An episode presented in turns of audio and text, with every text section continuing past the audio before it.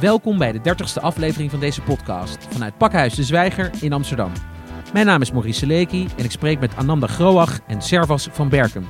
Ananda Groach is mobiliteitsexpert, oprichter van Reframe en initiatiefnemer van het congres Living Mobility. Servas van Berkem is programmamaker mobiliteit en technologie bij Pakhuis de Zwijger.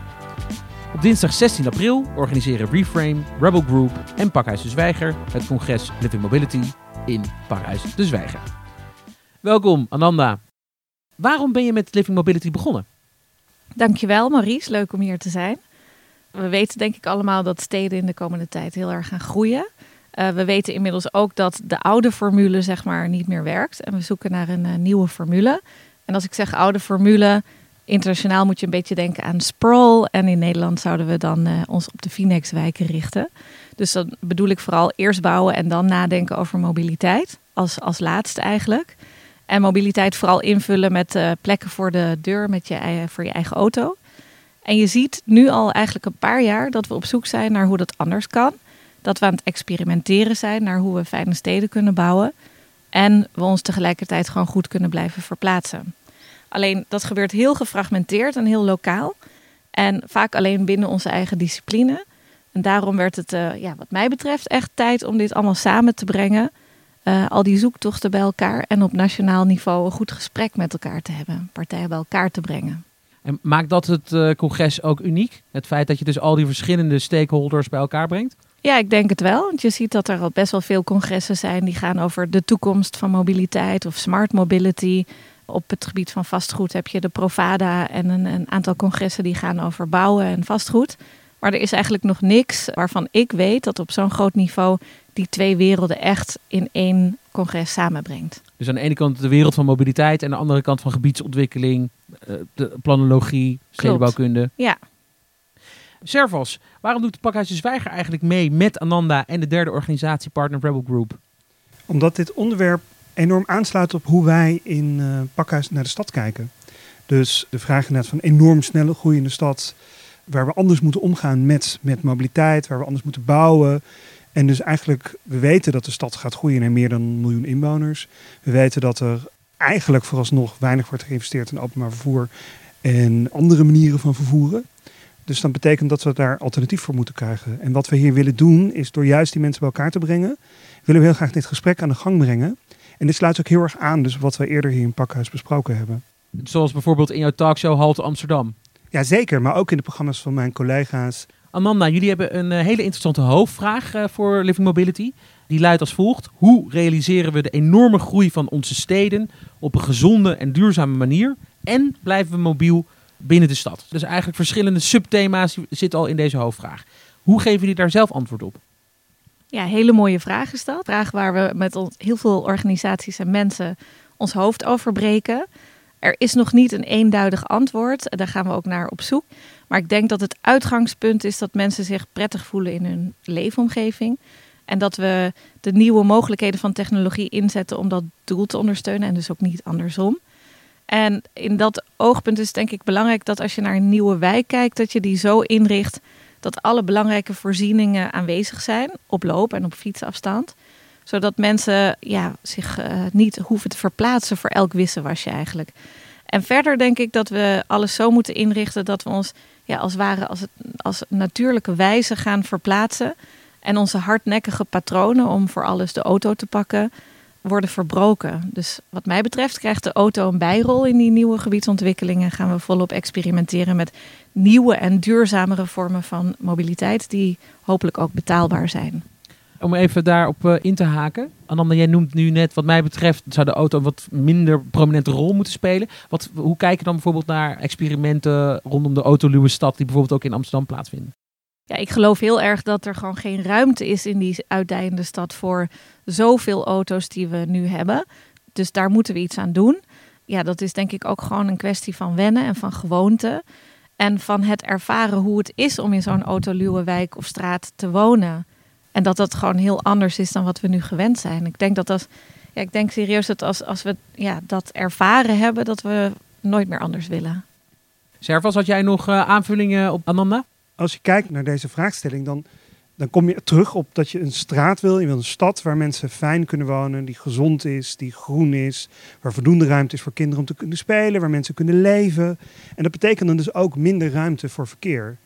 Maar dat wat, wat Ananda zegt, en ik hoop ook dat dat uit het congres verder ook weer naar voren komt, is dat als je goede voorbeelden hebt van hoe dat er dan uitziet, en hoeveel fijner je straat is op het moment dat je niet 200 auto's geparkeerd hebt. Of hoeveel fijner een nieuwe wijk is op het moment dat niet alle nieuwe openbare ruimte opgaat aan parkeerplaatsen. Ja, ik denk dat dan mensen inderdaad die move maken. Maar die moet je wel eerst laten zien. En eerst ook inderdaad duidelijk meenemen dat dit effect heeft op de volksgezondheid, effect heeft op leefkwaliteit. En eigenlijk gewoon de, ja, de hele wijk daardoor veel fijner wordt. Je kunt je natuurlijk wel voorstellen dat, dat mensen die wat minder op uh, fiets- en loopafstand van de faciliteiten wonen in een buurt, daarom ook wel gewoon uh, graag uh, met de auto naar die faciliteiten toe gaan.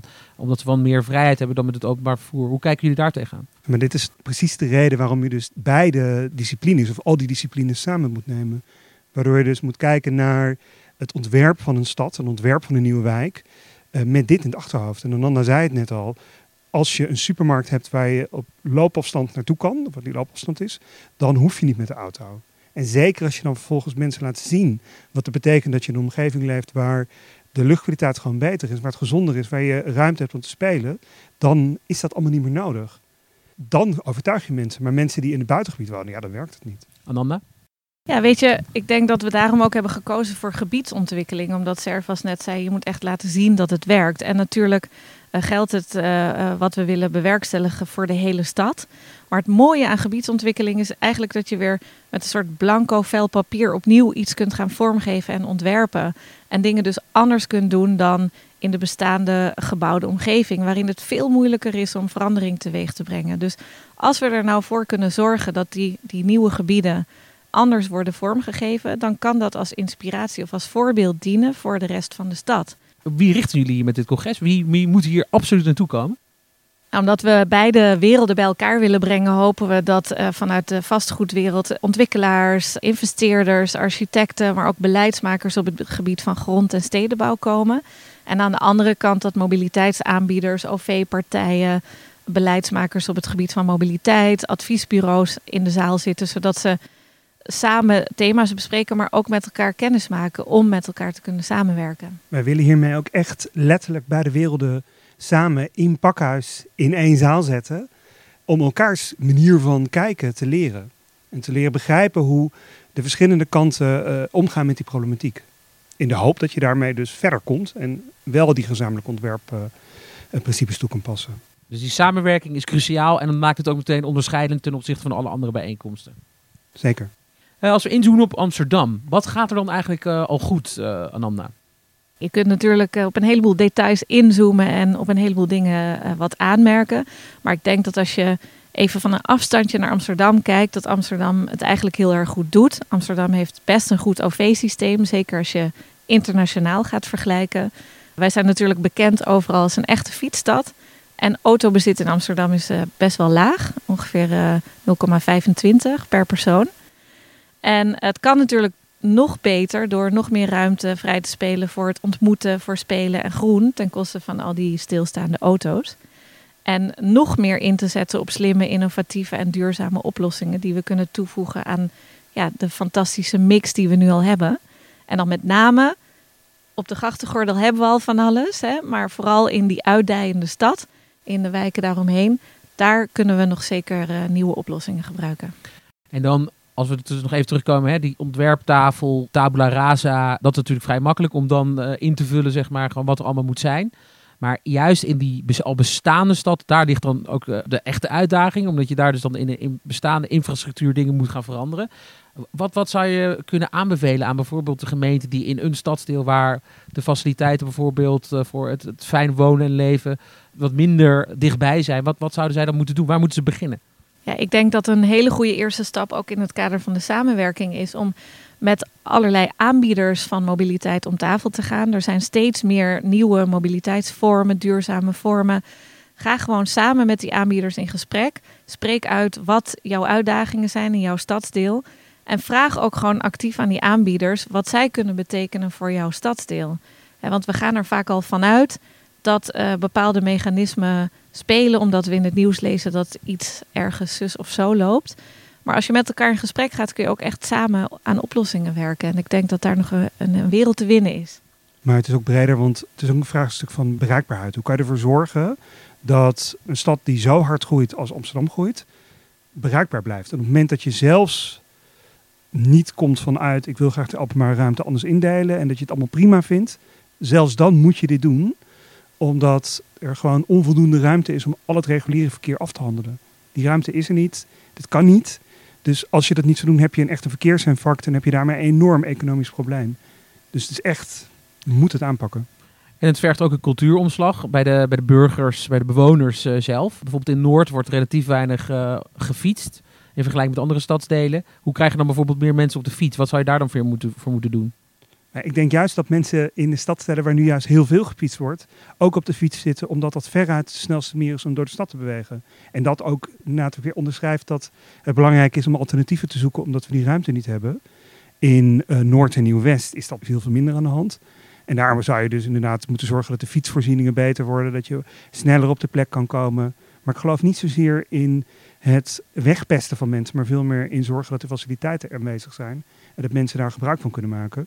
Je kunt gaan kijken wat wel past. Hè? Ik bedoel, er zijn uh, elektrische deelscooters, we hebben deelauto's, we hebben misschien wel elektrische stepjes en nog honderd van dat soort dingen. Dus ja. straks uh, worden, worden voertuigen misschien wel zelfrijdend. Heb je autonome shuttlebusjes of zo. Ik bedoel, ga gewoon ook kijken wat daar de behoefte is en, en wat daarop aansluit. Precies, voor mij hoeft niet iedereen te gaan fietsen. Ik wil alleen heel graag dat, we, dat de stad blijft functioneren en dat het blijft werken.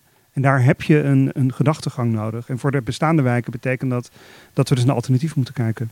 Ook trouwens op vracht. Dus niet alleen de passagiersvervoer, dus ook die cargo bikes, bevoorrading van restaurants, afvalstromen. Allemaal van dat soort onderwerpen moet worden meegenomen. Het voordeel bij een nieuwe wijk is, en dat maakt dit wel heel erg makkelijk, is dat je vanaf punt nul kan beginnen. Je kan een hele nieuwe wijk neerleggen, dus je kan ook alles ontwerpen. Goed, als we vooruitblikken op het congres, uh, wat staat er allemaal op het programma? Servas?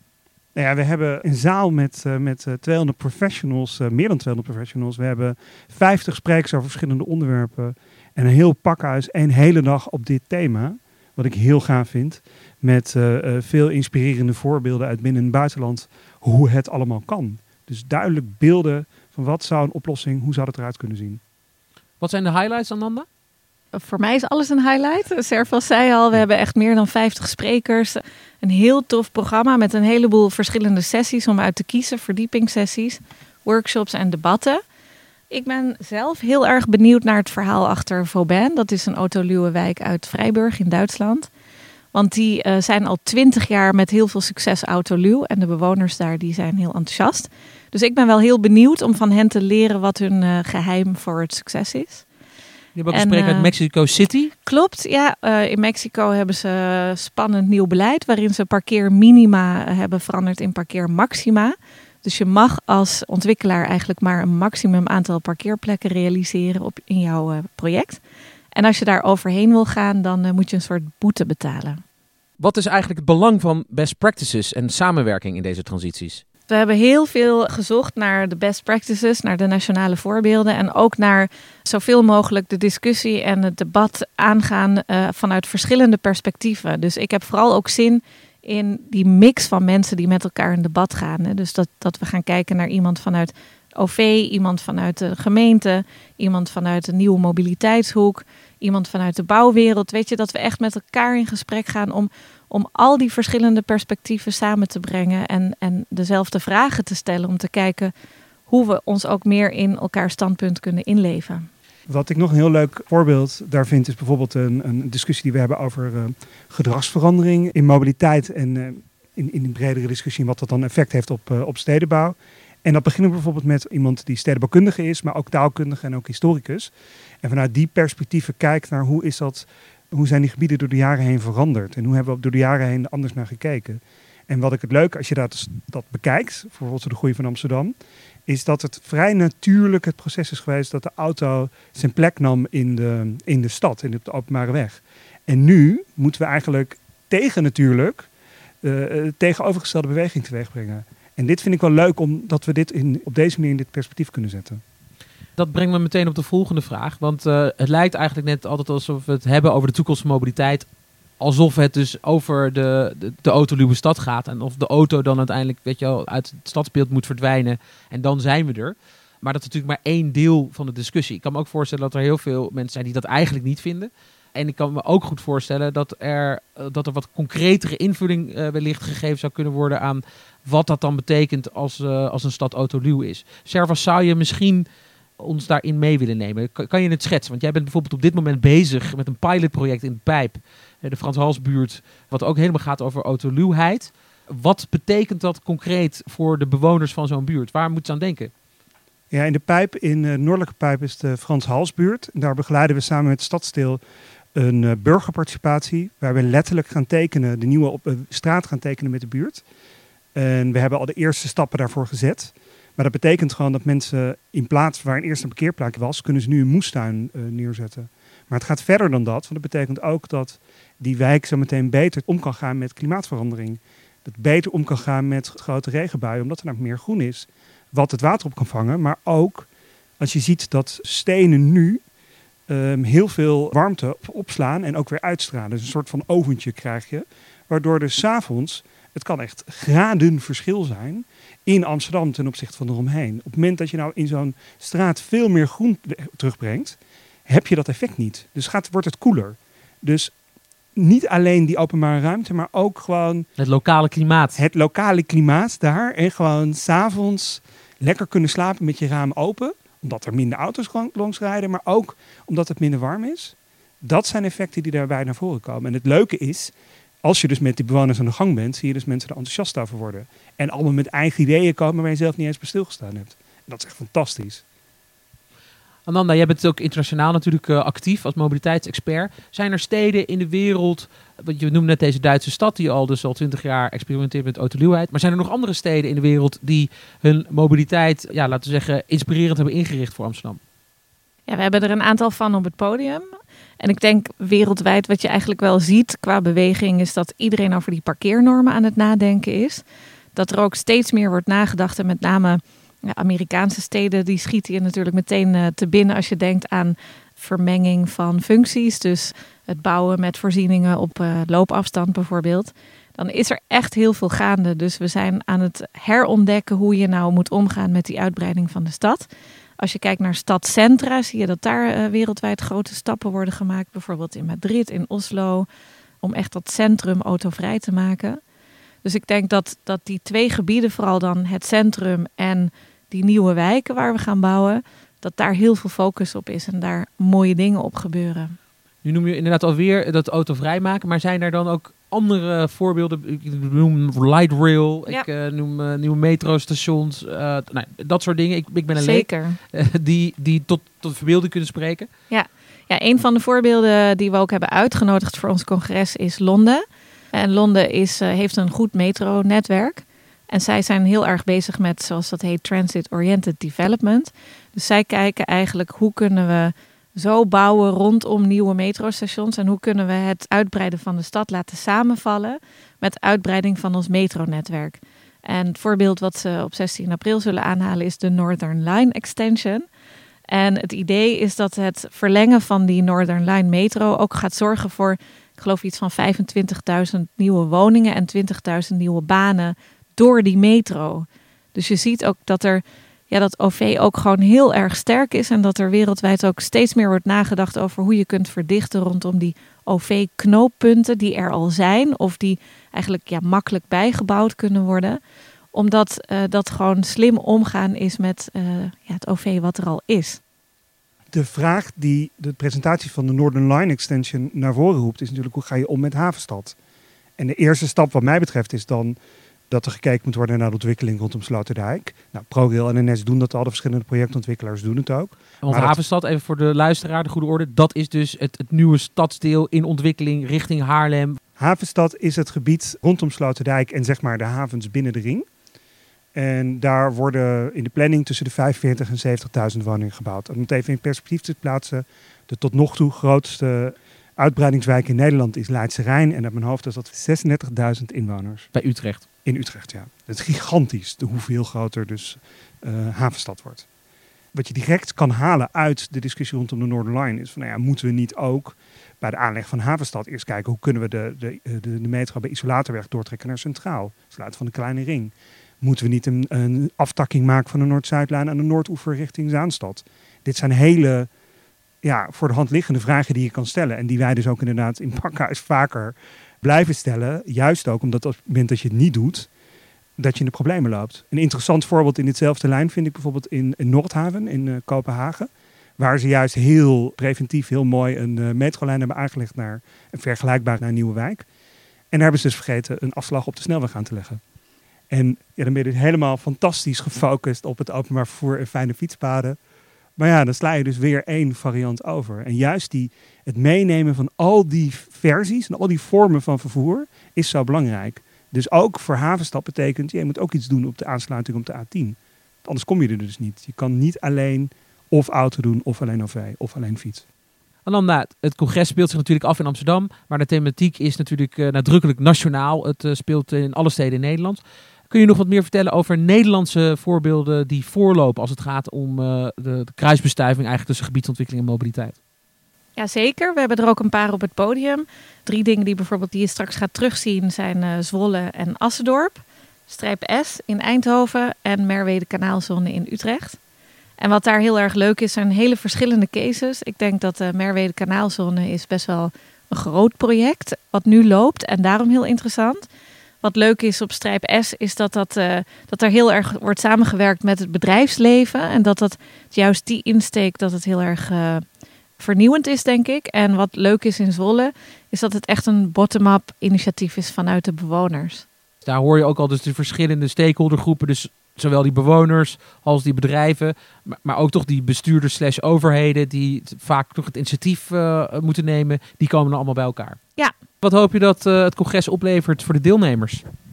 Ja, ik hoop echt dat, dat de gesprekken die tot nu toe heel lokaal en in kleine groepjes gefragmenteerd hebben plaatsgevonden, dat dat nu een hele grote boost krijgt en dat het gesprek gewoon uh, hoger op de agenda komt.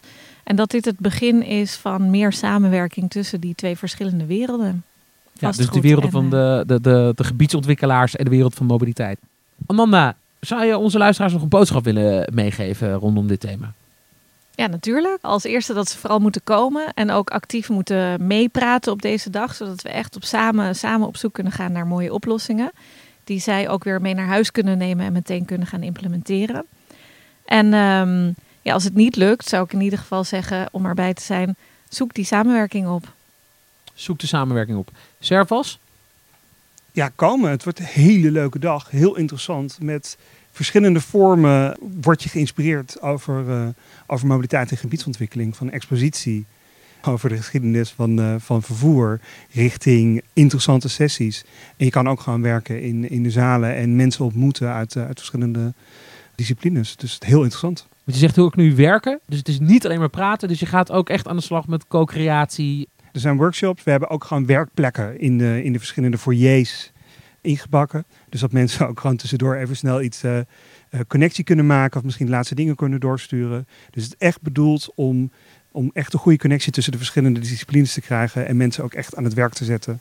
En uh, diep erin te gaan. Dankjewel. Ananda Groag en Servus van Berken. Dankjewel. Dankjewel. Beste luisteraars, dit was de 30ste aflevering van de podcastserie van Pakhuis de Zwijger.